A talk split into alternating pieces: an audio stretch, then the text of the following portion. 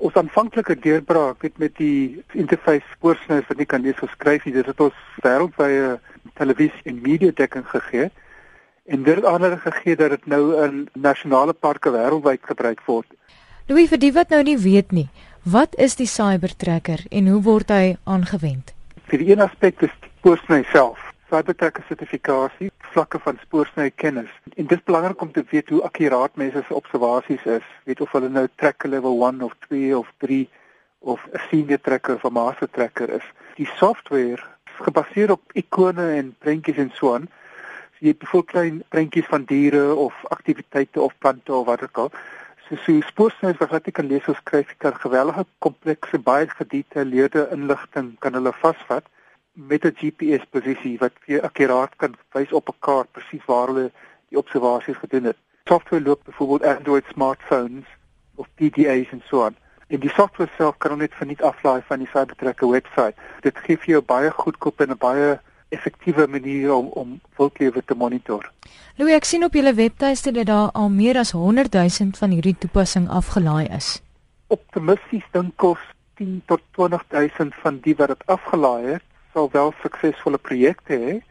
Dit is nogal moeilik vir ons om te weet presies hoeveel mense dit gebruik, maar ek dink 100 000 downloads konstant meer as 1000 tot 1500 per maand.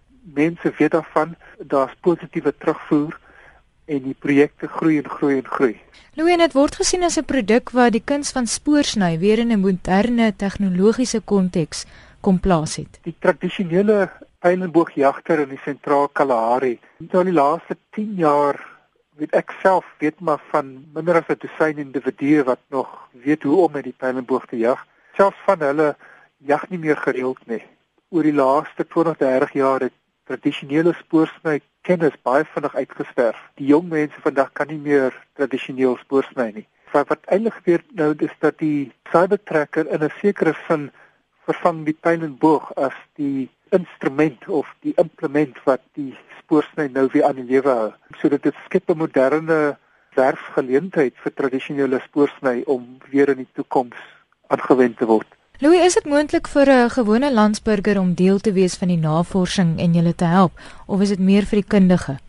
Ons het nou 'n nuwe veld wat ons noem die, die citizen science en veral in Amerika en Europa is dit baie baie populêr. Hier in Suid-Afrika val by die Universiteit Kaapstad het 'n citizen science veral met voëls en proteas en en blomme en so aan. Enigiemand kan deelneem deur eenvoudig observasies te maak. Kyk, spoorsny is ook 'n wetenskaplike denkwyse. Enigiemand kan basies wetenskaplike denkwyse aanleer.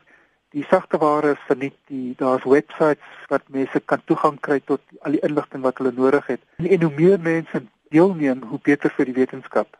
Kyk, ek self het glad nie 'n graad nie uitgedrop uit universiteit om my passie te volg om spoorsnynavorsing te doen. Wat vir my wel in 'n sekere sin 'n belangrike mylpaal vir my is, is dat ek 'n associate is by Harvard Universiteit en dat ek dit visie van die navorsing wat gedoen het in die wetenskaplike papers wat ek gepubliseer het. Die belangrikste boodskap wat ek self eintlik wil uitdra is dat dis nie nodig vir jou om 'n graad te kry om deel te neem in die wetenskap nie. En in soos in my eie geval, het ek nou ook erkenning gekry in die feit dat ek wetenskaplike papers gepubliseer het in hoogaanstaande wetenskaplike journals. Dit dit wys dat jy oorspronklike wetenskap kan doen. En as ek dit kan doen, dan kan miljoene ander mense dit ook doen.